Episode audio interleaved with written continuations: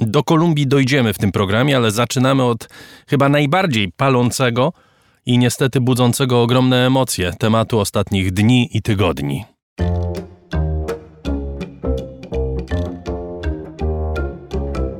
Rożek Urosiaka w raporcie. Tomasz Rożek jest z nami, gospodarz kanału Nauka to Lubię i nasz stały współpracownik. Witam cię Tomku. Dzień dobry. O pandemii porozmawiamy. Ubolewam nad tym, ale to jest nie tylko temat najważniejszy obecnie, ale też budzący najwięcej emocji, również tych złych, niedobrych emocji. Czym bardziej się ta pandemia rozwija, tym więcej jest podziałów, postaw skrajnych i tym więcej otwartego odrzucania wiedzy naukowej. Ale do tego dojdziemy. Zacznijmy od faktów. Mamy nową odmianę wirusa, Omikron. Skąd on się wziął? Co wiemy o tej odmianie w tej chwili? Wziął się z Afryki. E, to wiemy, czy inaczej, w Afryce został po raz pierwszy wykryty, a konkretnie w Botswanie. E, wiemy o tym, choć tutaj też sporo jeszcze nam brakuje, e, żeby mieć całkowitą pewność, ale z pierwszych szacunków, z pierwszych obserwacji wynika, że bardzo, bardzo szybko się roznosi, że bardzo szybko się rozlewa. Wielokrotnie szybciej niż którykolwiek z poprzednich wariantów koronawirusa, nawet szybciej niż ten, który dzisiaj jest dominujący w Europie, czyli odmiana delta, o której mówiono, że jest ona bardziej zakaźna, o mówiono 30-40% bardziej zakaźna od tej pierwotnej odmiany koronawirusa, z którą zderzyliśmy się no, już dwa lata temu. E, ten ma być wielokrotnie, być może pięcio, być może nawet więcejkrotnie bardziej e, zakaźny. To wiemy. I tak naprawdę na tym się kończy. Nie wiemy, czy potrafi ominąć e, naszą obronę, naszą, mam na myśli tutaj obronę no, naszego organizmu, układ odporności. E, nie wiemy, czy potrafi ominąć takie dodatkowe bariery, jakie stawia przechorowanie COVID albo zaszczepienie się na COVID. Tego nie wiemy. Nie wiemy, jaka jest skuteczność szczepionek E, jeżeli chodzi o nowy, o nowy wariant. I nie wiemy tak naprawdę, i to jest największe pytanie, mm, nie wiemy, jak wygląda choroba e, u osoby, która się tą odmianą e, zakaziła. Wstępne wyniki, wstępne obserwacje w zasadzie prowadzone w Afryce mówią, że osoby, które zainfekowały się tą odmianą, przechodzą COVID bardzo łagodnie ale, tutaj jest ale ważne, te obserwacje były czynione na osobach młodych, na osobach 20-30-letnich. Afryka i stąd jakby ogromny problem w takim e, przekładaniu tego, co obserwuje się w Afryce, na to, co może się zadziać w Europie czy w innych częściach świata. Afryka jest kontynentem młodym, tam średnia wieku jest dużo niższa niż na przykład w Europie, więc pewne um, obserwacje, liczby, statystyki, które nawet tam zostaną zarejestrowane, a w przypadku e, tego nowego wariantu nawet nie mówimy o jakiejś dużej statystyce, to jest naprawdę coś, z czym myśmy się zderzyli kilkanaście dni temu, no powiedzmy dwa tygodnie temu. E, więc nawet gdyby tam były jakieś bardzo dogłębne badania, to nie dałoby się ich wyników tak jeden do jeden przenieść na warunki europejskie. A tymczasem tam nawet tych badań nie było. Tam są raczej obserwacje, które trudno nazwać jakimiś dogłębnymi dociekaniami naukowymi. To są ważne uwagi, które poczyniłeś. Po pierwsze, Afryka to jest kontynent ludzi młodych, po drugie to jest kontynent ludzi niezaszczepionych. Tam jest y, rzeczywiście minimalny udział osób zaszczepionych, nawet w takim kraju jak RPA, które uznaje się za jeden z najbardziej rozwiniętych na kontynencie. I trzecia ważna chyba uwaga, która być może budzić może pewne nadzieje, to jest to, że my nie wiemy, na ile jest to odmiana wirusa, która powoduje y, ciężki przebieg choroby, prawda? Tego nie wiemy. Tak. Jeżeli by tak nie było, to fakt, że ten wirus jest tak bardzo zaraźliwy, wcale nie musi być zły, prawda? To prawda, to znaczy intuicja podpowiada, że jeżeli jakiś patogen jest bardzo zakaźny, to znaczy, że jest bardzo groźny. Tak wcale nie musi być.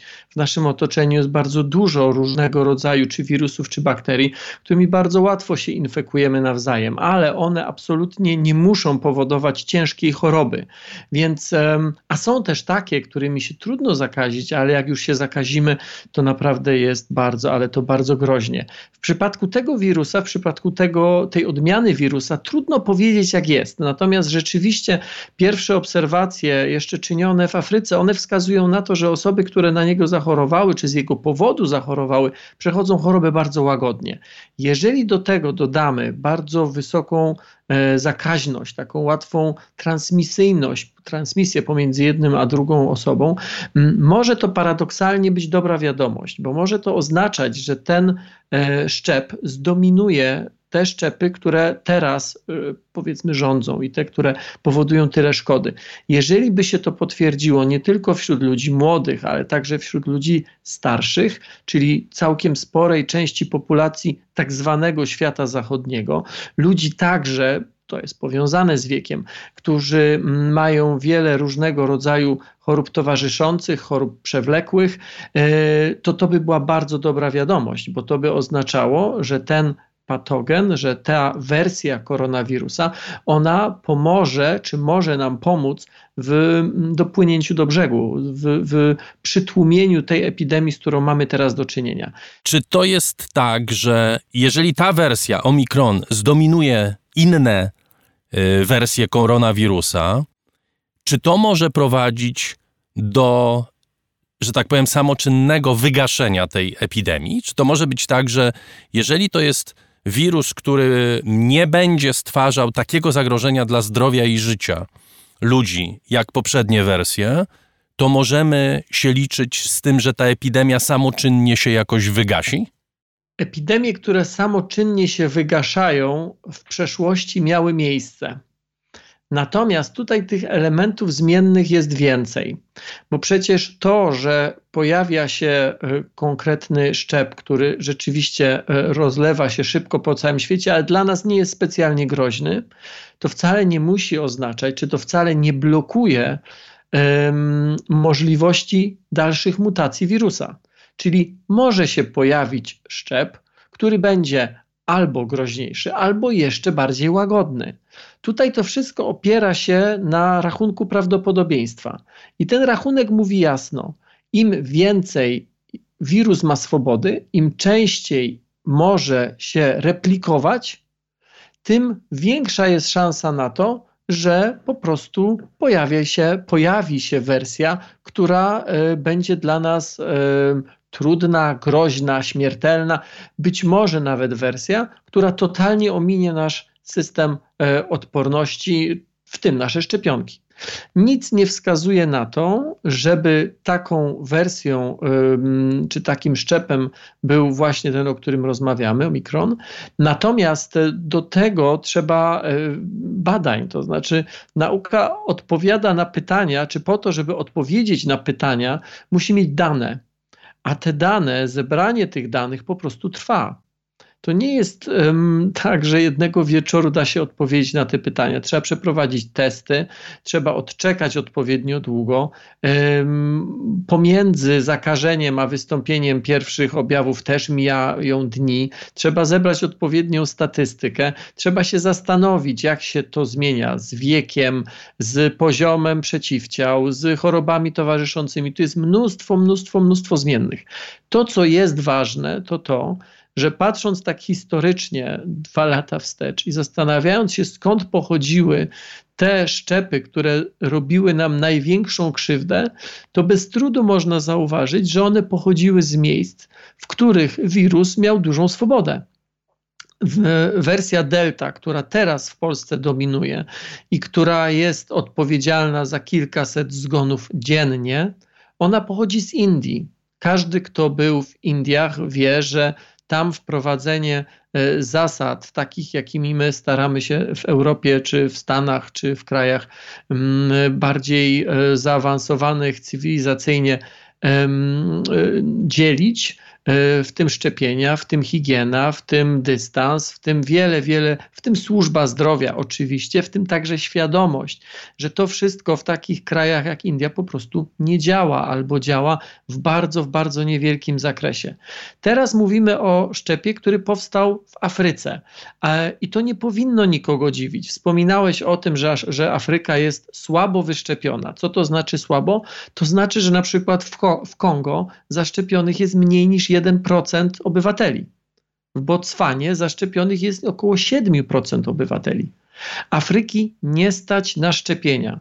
Jeżeli teraz popatrzymy globalnie, to ci, którzy mówili, zamiast dawać trzecią dawkę przypominającą, lepiej te dawki przekazać Afryce, bo za chwilę się okaże, że my będziemy wyszczepieni, ale na innym, na drugim końcu świata pojawi się szczep, który te szczepionki, czy na który te szczepionki będą mało skuteczne. To jest, Tomku, jeśli mogę ci przerwać, bardzo szlachetna intencja, tylko musi być jednak odpowiedź ze strony społeczeństwa. To, że nie ma szczepionek w Afryce, to jest jedna rzecz. Druga rzecz to jest to, że jest niewielka tendencja czy niewielka chęć do szczepienia się ze strony tych społeczeństw, które mieszkają w Afryce. Nie mam danych na ten temat. Nie wiem, czy to jest tak, nie mam pewności, czy to jest tak, że tam szczepionki są, ale ludzie nie chcą się szczepić. Nie, tam szczepionek nie ma. No właśnie. Mówię o dwóch elementach, które istnieją. Po pierwsze, nie ma szczepionek, a po drugie, nawet jak są, to y, jest y, poważny problem, bo wielu ludzi nie ma ochoty się szczepić. Być może tak jest. Ja tak jak mówię, ja tego nie wiem. Trudno mi mówić, czy gdyby tam były szczepionki, to by się ludzie zaszczepili, czy no, nie. Potrzebna jest na pewno akcja edukacyjna, tak jak w każdym innym kraju i w każdym innym miejscu na świecie. Ale pamiętasz, jak kilka, chyba miesięcy temu mówiliśmy o różnego rodzaju inicjatywach, które miały um, krajom biednym te szczepionki zapewnić. Mhm. E, była taka inicjatywa Unii Europejskiej, Komisji Europejskiej, ale także WHO. To wszystko nie zadziałało. E, Afryka pod tym względem jest jeszcze mm, takim miejscem szczególnego ryzyka, dlatego że tam e, jest stosunkowo dużo w porównaniu z innymi krajami na świecie osób e, cierpiących na niedobory odporności albo na e, po prostu niedziałający system e, immunologiczny z powodu wysokiego wysokiej zakaźliwości czy wysokiego procenta e, osób, które są nosicielami wirusa HIV. E, jeżeli taka osoba zakazi się koronawirusem, to ten koronawirus nie napotyka w organizmie absolutnie żadnych barier. Jeżeli e, koronawirusem zakazi się osoba, która mieszka w Europie, która nie ma e, niedoborów odporności, to e, choroba, z którą się zderza, to jest właśnie działanie systemu odporności. On albo sobie radzi z tym lepiej, albo gorzej, ale jest na którymś tam etapie barierą w namnażaniu się wirusa. Natomiast w przypadku osoby chorej na HIV, w przypadku osoby z niedoborami odporności, tej bariery nie ma. W efekcie wirus może się u takiej osoby namnażać absolutnie bez jakichkolwiek granic. I to, że akurat w Afryce, w tej części Afryki, akurat w Botswanie, to nie powinno specjalnie dziwić, ponieważ to są obszary, na których procent osób chorych na czy osób, które są nosicielami HIV, jest wyjątkowo wysoki. Kilka tygodni temu pojawiła się taka publikacja naukowa, zresztą mm, dwóch współautorów to, mm, to, to są profesorowie z Polski. E, ona była pisana wtedy, kiedy jeszcze nikt nie mówił o omikronie. Ale ona jest e, profetyczna, tak bym to powiedział, ponieważ autorzy tej publikacji piszą jasno, że to jest strategiczny błąd, że kraje biedne nie mają szczepionek. Ponieważ w krajach biednych, i to jest wprost napisane, szczególnie afrykańskich, tam gdzie jest wysoki poziom czy duży procent osób z niedoborem odporności, może pojawić się wyjątkowo mocno zmutowany wirus. To, czy on będzie zmutowany w kierunku wyższej śmiertelności, czy wyższej zaraźliwości, czy jednego i drugiego, tego nigdy nie wiadomo, bo to jest powiedzmy gra statystyki. Tego się nie da przewidzieć. Natomiast y, taki wirus się pojawił i ten, o którym mówimy, omikron, ma ponad 50 różnego rodzaju mutacji, czy, czy ponad 50 mutacji w różnych miejscach, w tym 30 tych mutacji dotyczy tego powiedzmy klucza, czyli tego białka kolca o którym e, czasami gdzieś tam możecie Państwo słyszeć, no to jest taki dosłownie taki klucz, który otwiera komórki. Z tego nie musi wynikać absolutnie, że on jest bardziej śmiertelny. Z tego może to wynikać. Na razie nie mamy takich dowodów, a poszlaki na to na razie nie wskazują. Natomiast z tego wynika, że jeżeli nie znajdziemy sposobu na to, żeby na mapie świata nie było białych plam, gdzie ludzi wyszczepionych jest pół procenta, 1%, to możemy z tą epidemią być jeszcze długo. I to jest ostatnie zdanie, którego chciałbym się chwycić, bo to, co obecnie dzieje się w Europie, nie jest winą Omikronu. Nie. Myślę, że jasno to wyjaśniłeś. E, mało tego, Omikron może być nadzieją dla nas wszystkich, którzy czekamy końca pandemii. Może, choć nie musi, to też warto o tym pamiętać.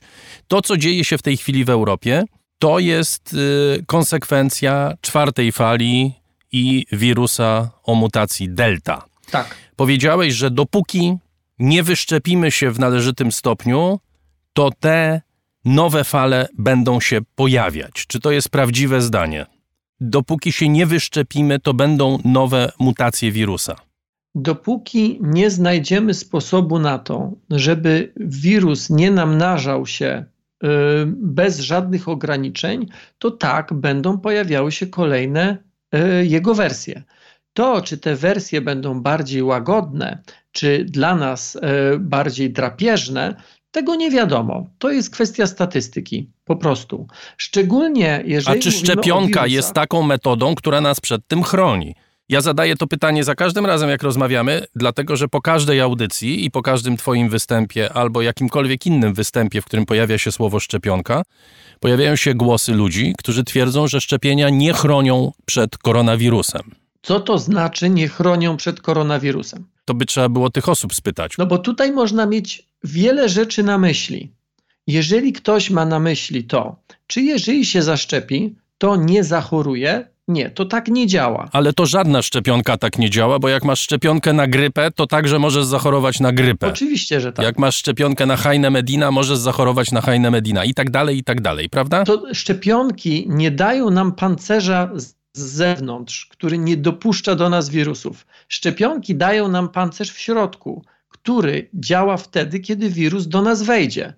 Organizm radzi sobie z nim wtedy dużo szybciej, w związku z tym jest mocno skrócony czas ewentualnego naszego zakażania ludzi wokół nas.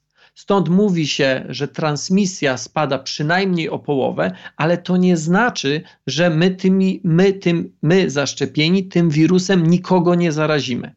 Ale znaczy na pewno, że nasz organizm nieporównywalnie szybciej poradzi sobie i lepiej poradzi sobie z taką chorobą. Stąd jest jednoznaczna korelacja pokazująca nie to, że e, liczba e, przypadków spada, tylko to, że liczba hospitalizacji spada tam, gdzie jest wyższe wyszczepienie. I tutaj nie trzeba e, szukać jakichś dalekich danych e, w Wielkiej Brytanii, w Stanach Zjednoczonych. Wystarczy popatrzeć na mapę Polski i zobaczyć, jak to się koreluje. I to dotyczy nie tylko hospitalizacji, to ale. To jak to się koreluje? Koreluje się tak, że w tych regionach, w których poziom wyszczepienia jest niższy, tam jest w przeliczeniu na 100 tysięcy mieszkańców dużo wyższy poziom hospitalizacji, a także zgonów. I mam tutaj na myśli ścianę wschodnią, e, gdzie poziom wyszczepienia w niektórych miejscach wynosi w okolicach 30%, podczas gdy średnio dla Polski wynosi około 55%, o ile dobrze pamiętam. Więc to dotyczy e, hospitalizacji, to dotyczy przypadków śmiertelnych. I jeżeli ktoś pyta, szczepionki nie działają na koronawirusa, no to ja pytam, ale co masz na myśli? Czy masz na myśli to, że, czy możesz się nim zarazić? Tak, możesz. Czy masz na myśli to, że możesz zachorować i ciężko przechodzić? Też możesz, ale prawdopodobieństwo takiego zdarzenia jest nieporównywalnie mniejsze w przypadku osób zaszczepionych niż w przypadku osób niezaszczepionych. Niemcy rozważają wprowadzenie szczepień obowiązkowych od lutego, zostawiając na boku politykę. czy to jest mądra decyzja, czy to jest decyzja polityczna, czy to jest decyzja epidemiologiczna. Na logikę wydaje się to troszeczkę mało trafione, że tak powiem. Skąd my wiemy, co się wydarzy do lutego? Możemy przypuszczać, możemy y, tworzyć jakieś modele matematyczne. Y, ta decyzja podejmowana w niektórych krajach europejskich wcześniej, na przykład we Francji czy we Włoszech, znacząco zwiększyła poziom wyszczepienia. Natomiast dla mnie to jest obraz totalnej klęski systemu edukacji. I e, sytuacja, w której naprawdę niewiele trzeba poświęcić swojego czasu na to, żeby zobaczyć, jaki jest związek pomiędzy szczepionką a e, prawdopodobieństwem hospitalizacji czy prawdopodobieństwem zgonu. E, wystarczy naprawdę kilka, kilkanaście minut. Nie trzeba mieć jakiejś gruntownej wiedzy z dziedziny mikrobiologii, e, wirusologii czy bakteriologii. Nie trzeba to, że my tego nie robimy, dla mnie to jest porażka systemu edukacji i bardzo bym chciał, ja wiem, że jestem naiwny, ale bardzo bym chciał, żeby teraz mądre głowy siedziały i zastanawiały się, mm, jak trzeba by zmienić, co powinno się zmienić w systemie edukacji, żeby przy następnym kryzysie, skoro mm, na stole leżą sposoby, jak ten kryzys zminimalizować, żeby ludzie zechcieli z tych sposobów skorzystać. No to jest oczywiście coś, co wykracza pewnie poza system edukacji, tylko y, dotyczy takiej istoty kultury, w jakiej żyjemy, kultury indywidualizacji, kultury wpisów na Facebooku, które mówią: To jest moje ciało i nie będzie mi rząd mówił, co ja mam robić. Nie będzie rząd mi mówił, czy ja mam się zaszczepić, czy nie zaszczepić. Nie ma takiej refleksji, że owszem, to jest Twoje ciało, ale to ciało funkcjonuje w pewnym kontekście, funkcjonuje we wspólnocie. Jak idziesz do sklepu, to dotykasz rzeczy, które potem dotknie ktoś inny. Wdychasz powietrze, które wdychają inni ludzie. Jesteś w otoczeniu innych ludzi. Możesz zarażać, możesz zostać zarażony. Jak masz ochotę zachorować, to oczywiście to jest Twoje prawo, natomiast nie jest Twoim prawem zarażanie innych ale też nie jest Twoim prawem w momencie, jak potrzebujesz lekarza, e, a jak sprawy pójdą w złym kierunku, to na przykład anestezjologa, odciągać tego anestezjologa od innych chorych, na przykład chorych, którzy wymagają anestezjologa po to, żeby przeprowadzić operację. E, też na to musimy spojrzeć w ten sposób. Jeżeli zwiększa się, i my to przerabialiśmy w Polsce kilkukrotnie, i dalej, jak gdyby nie łączymy tych kropek. E, system ochrony zdrowia, który jest postawiony przed takim wyzwaniem, się rozsypuje. Szczególnie nasz, który przecież, użyję delikatnych słów, nie jest optymalny i doskonały.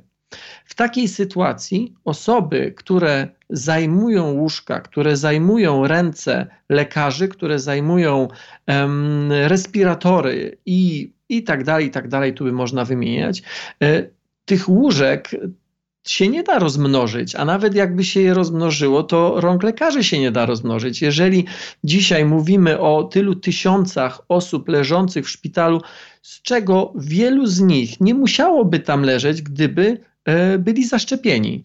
E, te łóżka e, normalnie by były zajmowane być może przez tych, którzy mają kłopoty sercowe, być może przez tych, którzy mają kłopoty nowotworowe. Później się dziwimy i mówimy, no e, śmiertelność z powodu nowotworów wzrosła. Pośrednio to jest wynik śmiertelności, to jest wynik koronawirusa nie dlatego, że te osoby zachorowały, tylko dlatego, że te osoby, tymi osobami system ochrony zdrowia nie miał czasu się zająć. Doktor Tomasz Rożek y, był gościem raportu o stanie świata, gospodarz kanału Nauka to Lubię, nasz stały współpracownik, który wróci do raportu. Dziękuję Ci bardzo za dziś, Tomku. Dziękuję bardzo.